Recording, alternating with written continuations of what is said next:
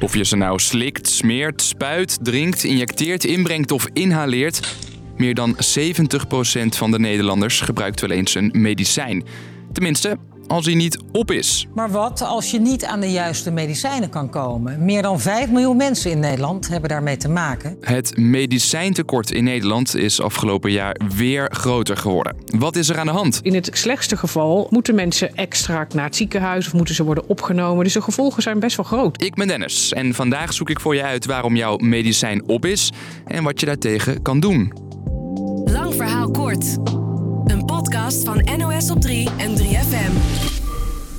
Het gebeurde mij laatst ook. Ik fietste naar de apotheek, Hallo, ja. vroeg om een nieuwe dosis van mijn medicijn en hoorde toen...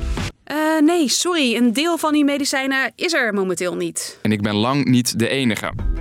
Vorig jaar was bijna 2300 keer een medicijn niet leverbaar. Dat betekent dat er eh 2300 keer een geneesmiddel eh, tenminste twee weken niet leverbaar is geweest in Nederland. Je hoort Nicole Hunveld. Zij werkt voor de Nederlandse apothekersorganisatie, de KNP.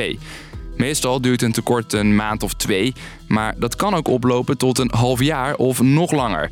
En sommige mensen kunnen echt niet zonder. Je hersenen vallen uit. Ja, ik val neer en dan eh, ga je schokken slaan. Je hoort Annemarie die zware epilepsie heeft. Ja, dan is het dagelijks aanvallen. En geen werk. Helemaal niks. En ik heb ook geen zin om in het ziekenhuis te belanden. Want dat is al vaak genoeg gebeurd.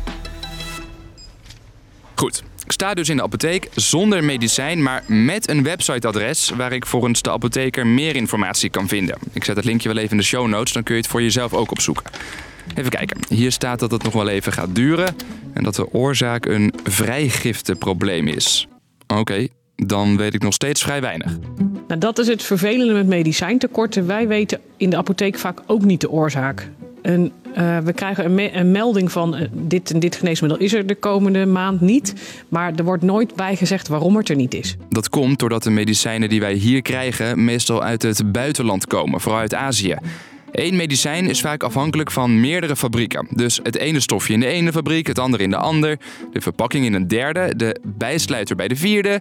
Nou ja, je snapt hem. En stel dat er één eh, hulpstof niet is of er is een, eh, iets in een bijsluiter wat aangepast moet worden, al is het maar één woord, dan mag zo'n hele, en dat doen we dan een charge aan, eh, aan doosjes, mag niet worden uitgeleverd. Dus een heel klein schakeltje in die keten kan enorme gevolgen hebben. Dan is er nog iets waardoor we juist in Nederland zoveel last hebben van tekorten. We zijn een, een land waar de geneesmiddelprijzen relatief laag zijn. Zorgverzekeraars hebben misschien iets te goed onderhandeld.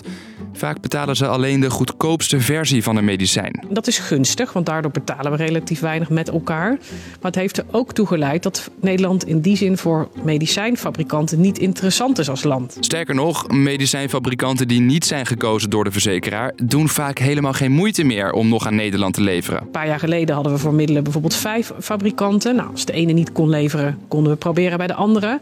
Maar je ziet dat dat afneemt, waardoor we geen alternatieve fabrikanten meer hebben. En daardoor worden we heel kwetsbaar. De telefoon staat wel altijd groot genoemd. Apotheek de grens goed echt mee vinden. Is er een oplossing? Nou, sommige Nederlanders proberen het in Belgische apotheken. Eigenlijk is dat wel dagelijks. Maar daardoor kunnen daar ook weer tekorten ontstaan.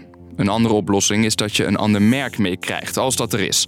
Maar dat kan niet bij iedereen. Bijvoorbeeld bij epilepsie, dan is het heel, ehm, ja, komt het heel nauw op hoeveel geneesmiddel iemand in zijn bloed heeft. En het kan zijn dat het andere merk dat, net, dat, dat daar net anders werkt. Daar weet Annemarie helaas alles van. Van de 24 soorten heb ik er eh, 15 gehad. En toch maar weer terug naar deze. Als je overlegt met je apotheek en dokter, lukt het vaak om een oplossing te vinden, zegt Nicole. Maar voor de lange termijn moet er volgens haar iets anders veranderen. We willen dat er meer in Europa gefabriceerd gaat worden, zodat we dicht bij huis ehm, de medicijnen hebben. Maar dat is een oplossing die een aantal jaar gaat duren. En als het aan Nicole ligt, stoppen zorgverzekeraars met het betalen van alleen de goedkoopste variant. Dat wil zeggen dat we niet meer één fabrikant hebben waaruit we, waarvan geleverd moet worden, maar dat er meerdere zijn, zodat apotheken bij een tekort kunnen wisselen van fabrikant. Dus, lang verhaal kort. De medicijntekorten zijn flink gestegen. Dat komt onder meer doordat fabrikanten ver weg zitten en omdat zorgverzekeraars soms alleen het goedkoopste middel willen betalen.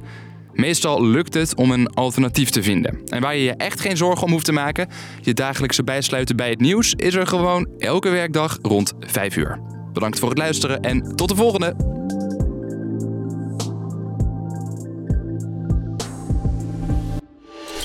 FM. Podcast. Altijd alles achter de schermen willen kijken? 3 voor 12 geeft je een backstage bandje. Met de 3FM podcast De Machine. Je hoort alles over festivals, streamingdiensten en briljante nieuwe muziekideeën. Check de podcast De Machine via de gratis NPO Luister app of 3fm.nl slash podcast.